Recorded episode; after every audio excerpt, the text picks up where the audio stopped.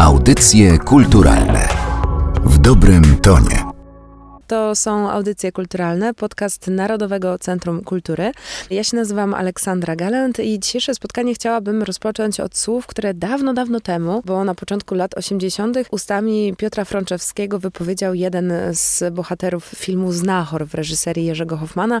To były słowa, które na pewno każdy zna, one stały się już nawet trochę wiralowe. To jest profesor Rafał Wilczur. Te słowa przypominają się nam dosyć regularnie, bo film Znachor jest ukochany przez telewizję do powtórek przy okazji różnego rodzaju świąt, ferii, dni wolnych od pracy, ale też e, film Znachor stał się filmem przez to dla wielu z nas bardzo ważnym, mimo że powieść Łęgi Mostowicza traktowana była raczej w kategoriach takich powieści popularnych, to ona podbiła nasze serca i na stałe ta ekranizacja wpisała się w takie nasze filmowe gusta i sentymenty.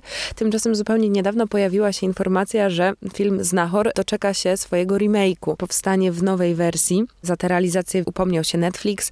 Reżyserem jest Michał Gazda, a w roli profesora Wilczura. No myślę, że profesor Wilczur cały czas ma dla nas wszystkich twarz Jerzego Bińczyckiego.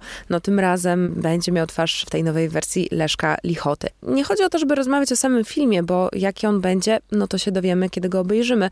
Natomiast pojawiło się pytanie dotyczące remake'ów w polskim kinie. Tego, z jakimi one wiążą się oczekiwaniami ale też dlaczego powstaje ich niewiele, bo myślę, że gdybym teraz każdemu z Was dała dwie minuty, żeby wymienić jak największą liczbę tytułów filmów, które doczekały się w polskim kinie remake'ów, to tych odpowiedzi wcale nie byłoby dużo. Pozwoliłam sobie to powiedzieć, dlatego że nasz dzisiejszy gość przyznał mi rację, że tych remake'ów wcale nie było dużo, a o remake'ach właśnie i o tym, co im towarzyszy, będę rozmawiała z doktorem Bolesławem Racięskim, filmoznawcą z Wydziału Artes Liberales Uniwersytetu Warszawskiego. Witam w audycjach kulturalnych. Dzień dobry. Liczyłem trochę, że przedstawisz mnie w ten sposób, że podłożysz moje nazwisko zamiast doktora Rafała Wilczura. To jest profesora. doktor Bolesław Racięski. E, tak, więc może ten profesor tutaj rzeczywiście wyjątkowo by nie pasował. Dzień dobry. Jak to jest z tymi remake'ami? Może zanim pochylimy się nad tym naszym podwórkiem, nad tym, co się tutaj w tym kontekście dzieje, to zgodzisz się powiedzieć, dlaczego powstają remake'i i dlaczego one na świecie cieszą się tak wielką popularnością?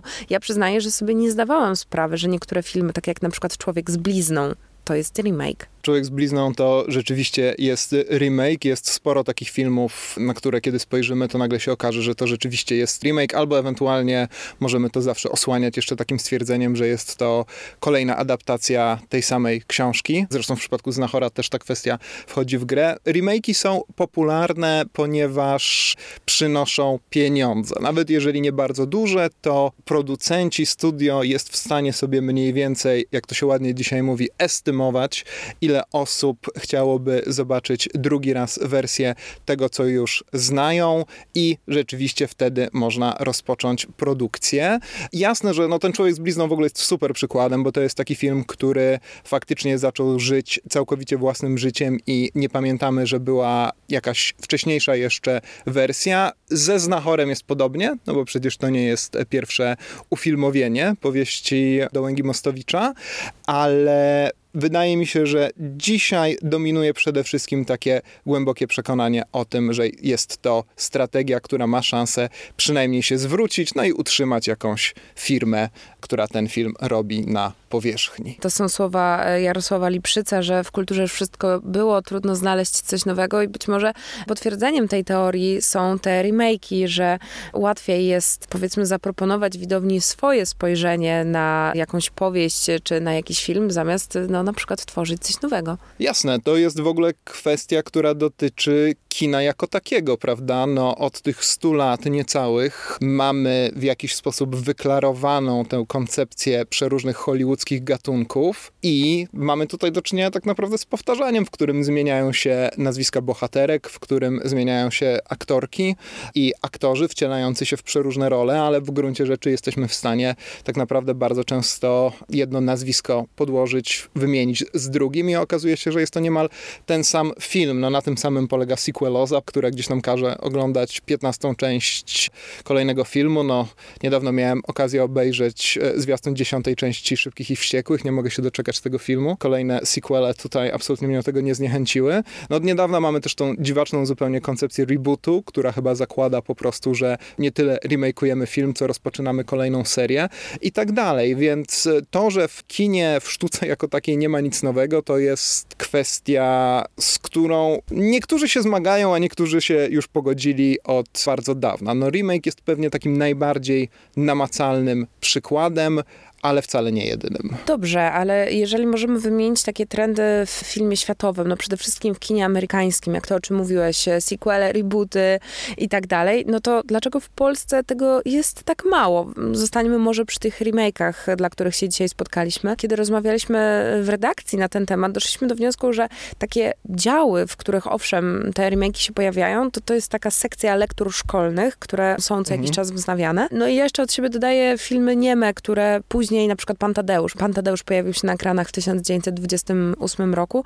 70 lat później ponad, bo w 99 roku legendarna już chyba ekranizacja Andrzeja Wajdy, która zgromadziła no, najważniejszych aktorów tamtego czasu. Pozdrawiamy wszystkich, którzy szykują się do studniówki właśnie w Podlaniu. Tak, no Pan i Tadeusz oczywiście Polonez. Wojciecha Kilara. Jasne, tu zresztą mamy do czynienia znowu z przykładem właśnie, czy to jest remake, czy to jest kolejna adaptacja książki, czy jeżeli Włosi przed II wojną światową nakręcili 53 wersje minimum Quo Vadis, no to czy remakeowali się nawzajem, czy raczej gdzieś tam inaczej podchodzili do tego samego źródła Sienkiewiczowskiego. Wydaje mi się, że u nas ten brak remake'ów wynika z takiej bardzo banalnej rzeczy, to znaczy tego, że nasz przemysł filmowy jest stosunkowo niewielki w porównaniu do przemysłu hollywoodzkiego, gdzie te remake, rebooty i sequele rzeczywiście są no, chlebem codziennym producentów, no to my jesteśmy malutcy, prawda? Jakby nie patrzeć. U nas tak naprawdę trudno byłoby znaleźć takie filmy, które faktycznie na pewno ściągnęłyby tłumy, zwłaszcza, że też polscy producenci, dystrybutorzy, reżyserki, reżyserzy zorientowali się, że u nas są pewne kwestie, które przynoszą pieniądze. To są filmy Wojtka Smarzowskiego, który zresztą przecież no, zaczyna coraz śmielej nawiązywać do swoich poprzednich filmów. Tak było z Weselem, tak teraz będzie chyba z kontynuacją, czy jakąś wariacją na temat Domu Złego. No i przez długi czas, aczkolwiek od niedawna chyba już na szczęście nie, filmy Patryka Wegi, który zresztą też jest autorem remake'u przecież, bo zrobił filmową stawkę większą niż życie, też z Tomaszem Kotem. Tomasz Kot jest na tyle lubianym i znakomitym aktorem, że chyba może wcielić się w każdego. Więc póki te kwestie działają, to nie ma, jak mi się zdaje, takiej potrzeby. No my ciągle jeszcze usiłujemy opanować właśnie tę sztukę sequelu. To jest coś, co u nas udaje się tylko dosłownie pojedynczym tytułom na czele z listami do M, pewnie, ale też musimy pamiętać, że my jesteśmy kinem, które nie ma wykształconej tej kultury kinematografii gatunku, schematu, dobrej rzemieślniczej roboty i takiego schematu, ja to mówię jak najbardziej w pozytywnym sensie, schematu, który działa. Po prostu. U nas jednak przeróżni twórcy starają się od tego uciekać. W szkołach filmowych jeszcze są zresztą do tego zachęcani.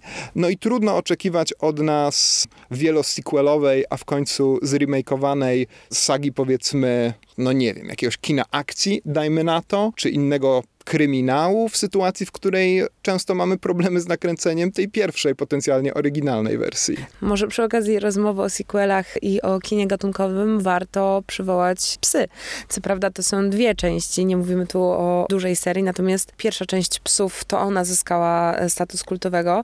Psy 2 może trochę mniej, co nie zmienia faktu, że to było takie podejście do sequelu. To jest rzeczywiście bardzo fajny przykład próby takiego uchwycenia filmu, który no nie dość, że był nadzwyczaj popularny, to jeszcze fantastycznie oddawał klimat tamtej epoki i przede wszystkim przemian, które wtedy przez Polskę się przewalały. No mieliśmy niedawno przecież próbę powrotu do tego.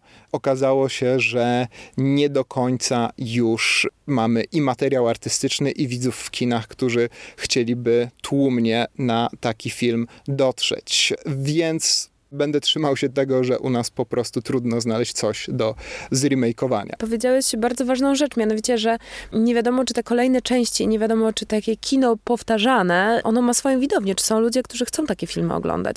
I może to jest kolejny kamyczek do ogródka tych pytań o remake'i. Mianowicie, czy widzowie w Polsce to są widzowie, którzy chcą oglądać takie nowe wersje. Ja na pewno jestem takim widzem. No mogę z całą pewnością powiedzieć za siebie, że tak jak zdaję sobie sprawę z tej komercyjnej maszynerii, która stoi za pomysłem i często za stworzeniem danego remake'u, to jednocześnie zawsze mam nadzieję na to, że jakiś mniej czy bardziej klasyczny tekst zostanie przeniesiony w fajny, współczesny kontekst i dowiemy się czegoś nowego. I wydaje mi się, tu pewnie warto byłoby po prostu posprawdzać, ile osób, no zresztą te kolejne pitbull Patryka Wegi spotykały się z naprawdę niezłym odbiorem. Zresztą był taki moment, przecież wspomniałem wcześniej, że Wega był faktycznie jednym z takich, no najbardziej, jeżeli nie najbardziej kasowym polskim reżyserem w sytuacji, w której sam no niemal remakeował po prostu kolejne filmy, bo wszystkie kręcił niemal dokładnie tak samo. Jego kobiety mafii też przecież doczekały się kontynuacji. Ciekawe właśnie ile osób na przykład jego stawkę mniejszą, większą, przepraszam, to było bardzo złośliwe takie przejęzyczenie, ale tę jego stawkę większą niż życie obejrzało, zdecydowało się za to zapłacić. Jestem przekonany, że gdybyśmy odpalili jakiś nowy potop czy nowych czterech pancernych,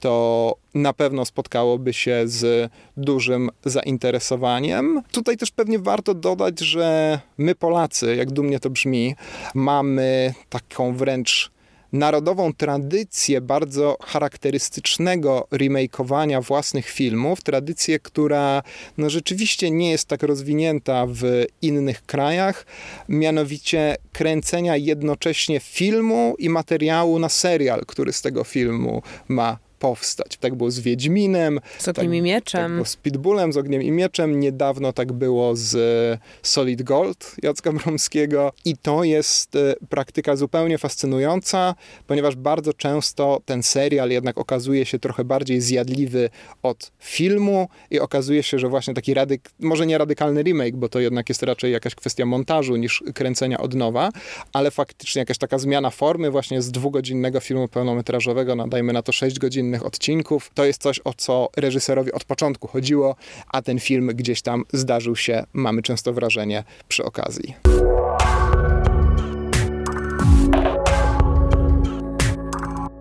Kolejna kwestia, która mnie przyszła do głowy, kiedy zastanawiałam się nad remake'ami w polskim kinie, to jest kolejne dumnie brzmiące słowo, mianowicie odwaga. Powiedziałeś o Tomaszu Kocie jako wybitnym polskim aktorze, który przyjął, wziął na siebie taki ciężar odpowiedzialności wcielenia się w pana Kleksa. No, pan Kleks dla całych pokoleń ma twarz Piotra Frączewskiego i przede wszystkim ma jego głos. Tymczasem z tym postanowił zmierzyć się Tomasz Kot. I stąd moje kolejne pytanie. Czy za każdy film można się wziąć? Czy są takie świętości, których się nie dotyka? Mi się wydaje, że Pan Kleks y, no, nie był jeszcze w ścisłej czołówce, ale Znachor już może trochę tak, że to jest film, który dla wielu właśnie jest taką świętością otoczoną nimbem rodzinnej tradycji, wspólnego oglądania w święta i tak dalej, i tak dalej. No i właśnie. Nie ma żadnych świętości. To musimy sobie podkreślać jak najczęściej. Jeżeli chodzi o kino, to wydaje mi się, że możemy remakeować wszystko wszędzie i zawsze, ponieważ nie mamy tu do czynienia z sytuacją, a wiele reakcji zdaje się wskazywać, że że jednak mamy sytuacją, w której oryginał nagle puch, znika, nie ma go i teraz jesteśmy skazani tylko na ten okrutny remake i jeżeli będziemy chcieli pokazać wnukom Znachora, przy którym się wzruszaliśmy z rodzicami, no to będziemy im mogli już pokazać ten potencjalnie okropny remake, a wersja Jerzego Hoffmana nie będzie już dostępna. Z tego co wiem jest jeden taki twórca, który zamęcza swoje filmy tak, że trudno już bardzo obejrzeć wersje oryginalne. Jest to George Lucas, chociaż Krzysztof Gradowski który reżyserował Akademię Pana Kleksa, miał troszkę może podobne takie lukasowskie ambicje i wspaniale, chwała mu za to, ale wydaje mi się, że można spróbować zremikować wszystko, czy to będzie Znachor, czy to będzie Popiół i Diament. Czemu nie? Zremikujmy Popiół i Diament, zremikujmy Matkę Joannę od Aniołów, co byłoby dość ciekawe, bo to przecież też jest wariacja na znanym tekście i tak dalej, i tak dalej. Kombinujmy, mieszajmy, dopóki rzeczywiście nie doprowadzimy do sytuacji, w której oryginał będzie już niedostępny. Ciekawym zjawiskiem, o którym ja sama nie pomyślałam, ale później, kiedy analizowałam różne tytuły filmów, doszłam do wniosku, że rzeczywiście jest to bardzo ciekawe, to jest remakeowanie albo tworzenie polskich wersji zagranicznych filmów. To się już zdarzało, wydaje mi się, troszkę częściej. Takim sztandarowym przykładem wydaje mi się ucieczka z kina Wolność Wojciecha Marczewskiego. Nie dało się tutaj ukryć pewnych inspiracji filmem młodego Alena Purpurowa Róża z Kairu. Myślę, że takich filmów też byśmy trochę znaleźli, a wydaje mi się, że takim filmem, który był kulminacją tego typu działań, był film z 2016 roku. To był film Dobrze się kłamie w miłym towarzystwie, gdzie wydaje mi się, że każdy europejski kraj stworzył swoją wersję tego filmu. Trochę zostało to potraktowane jako tekst teatralnego dramatu, który każdy sobie interpretował po swojemu, dostosowując do e, swoich warunków ty porównujesz to do dramatu, ja trochę bardziej plebejsko do formatów telewizyjnych, e, które przecież u nas też są niezwykle popularne. My sami eksportujemy na wschód, a sami z takich e, formatów korzystamy. Miodowe lata, przecież kultowy serial, też oparte są, o ile mi wiadomo, na formacie. Dobrze się kłamie w miłym towarzystwie, to jest super przykład. Jeden z najlepszych takich przykładów ostatnimi czasy, kiedy faktycznie powstaje oryginał, w tym przypadku włoski, o ile dobrze pamiętam. Mamy bardzo dobry schemat, znakomicie napisany scenariusz, i producent z danego kraju, producentka mogą sobie to zaadaptować na swoje potrzeby. W naszym przypadku to wyszło szczególnie dobrze e, ze względu zwłaszcza na końcówkę tego filmu, która według mnie sprawia, że jest to rzecz dużo ciekawsza niż oryginał. Takim elementem, e, który łączył te dwie produkcje, był udział Katarzyny Smutniak, która wystąpiła i w tej oryginalnej włoskiej wersji, no i w tej polskiej. No to jest fajny dodatek. Przepraszam, że tak mówię o, o istocie ludzkiej. Chodzi mi o to, że fakt, że mieliśmy tutaj aktorkę i w tym oryginale, i w naszej wersji, która była tą samą aktorką, no to jest bardzo sympatyczny bonus, ale wydaje mi się, że na całą rzecz przede wszystkim pozytywnie wpłynęły pozytywne zmiany właśnie w tym oryginalnym scenariuszu, który powtarzam, dał taki fajny schemat, fajną strukturę, o którą w polskim kinie jest dość trudno. Nasza rozmowa powoli zbliża się do końca, dlatego na koniec chciałam Cię zapytać o to, co jest przed nami w kontekście remake'ów w polskim kinie. Czy to, że długo, długo nic nie było, a tutaj nagle gruchnęła wiadomość o Akademii Pana Kleksa, później o Znachorze, oznacza, że lawina ruszy i tych remake'ów będzie coraz więcej, czy wręcz odwrotnie? No i dalej. Kolejne pytanie, czy to dobrze, jeżeli tych remake'ów będzie przybywało, czy odwrotnie? To, co się wydarzy, to dowiemy się już oczywiście za, za te kilka miesięcy, kiedy oba filmy będą miały premierę. Zwłaszcza Znachor jest tutaj ciekawym przykładem, no bo film robiony przez Netflix, być może jest tam rzeczywiście miejsce na takie strategie, które do tej pory w polskim kinie nie do końca się sprawdzały. Wiemy też, że jest to stacja, która, stacja czy serwis, który raczej stąpa bardzo bezpiecznymi ścieżkami, więc taki remake jest dla nich dobrym rozwiązaniem. Nawet jeżeli, tak jak wspomniałaś, dla wielu widzów Znachor jest jakąś świętością. Ja bardzo się cieszę, że Leszek Lichota tutaj odegra tytułową rolę, ponieważ nadaje się do tego doskonale i też pamiętajmy, że, że Bińczycki, który no fantastycznie zagrał też w tej drugiej wersji filmu, też nie był pierwszym aktorem, który odgrywał to na ekranie i na pewno byli jacyś fani filmu Michała Waszyńskiego, może jeszcze pamiętali, którzy właśnie na wieść o filmie Hoffmana byli straszliwie oburzeni. Ja uważam, że to miejsce na remake'i jest zawsze, o ile nie zajmie ono całkowicie przestrzeni dla kina w jakiś sposób oryginalnego, tu wracając do początku naszej dyskusji, że o tą oryginalność w ogóle jest niezwykle trudno. Jest kilka takich filmów, które, no właśnie, mają status kina kultowego, a ja bym je strasznie chciał przepisać w nowy kontekst i zastanowić się, jak teraz mogłyby funkcjonować. Marzy mi się remake Sex Missy na przykład Machulskiego, ponieważ jest to film, który, jak mi się zdaje, niedobrze się zestarzał pod wieloma względami. Interesuje mnie czy można by było właśnie z tego szkieletu, z tej struktury machulskiej coś ciekawego zrobić na nowo. No i bardzo chciałbym, żeby Marek Piestrak, może nie on we własnej osobie, choć czemu nie, ale żeby jego filmy doczekały się remake'ów w takiej no pewnie nie udałoby się ogromnych funduszy zebrać, ale jednak porządnych, właśnie w takiej wersji porządnie sfinansowanej. Wilczyca Piestraka przecież była ogromnym hitem, rozmawialiśmy sobie o sequelach, no to jest film, który doczekał się sequelu, doczekał się kontynuacji pod tytułem Powrót Wilczycy, ale marzy mi się taka wysokobudżetowa wersja Wilczycy jak najbardziej. Także no nie wiem, co przyniesie ta przyszłość, ale to są moje drobne, dyskretne sugestie. Oddaję je za darmo i może ktoś z tego skorzysta. O filmowych remake'ach w polskim kinie opowiadał dr Bolesław Racieński, filmoznawca z Wydziału Artes Liberales Uniwersytetu Warszawskiego. Bardzo dziękuję za rozmowę. Dziękuję bardzo. Audycje kulturalne w dobrym tonie.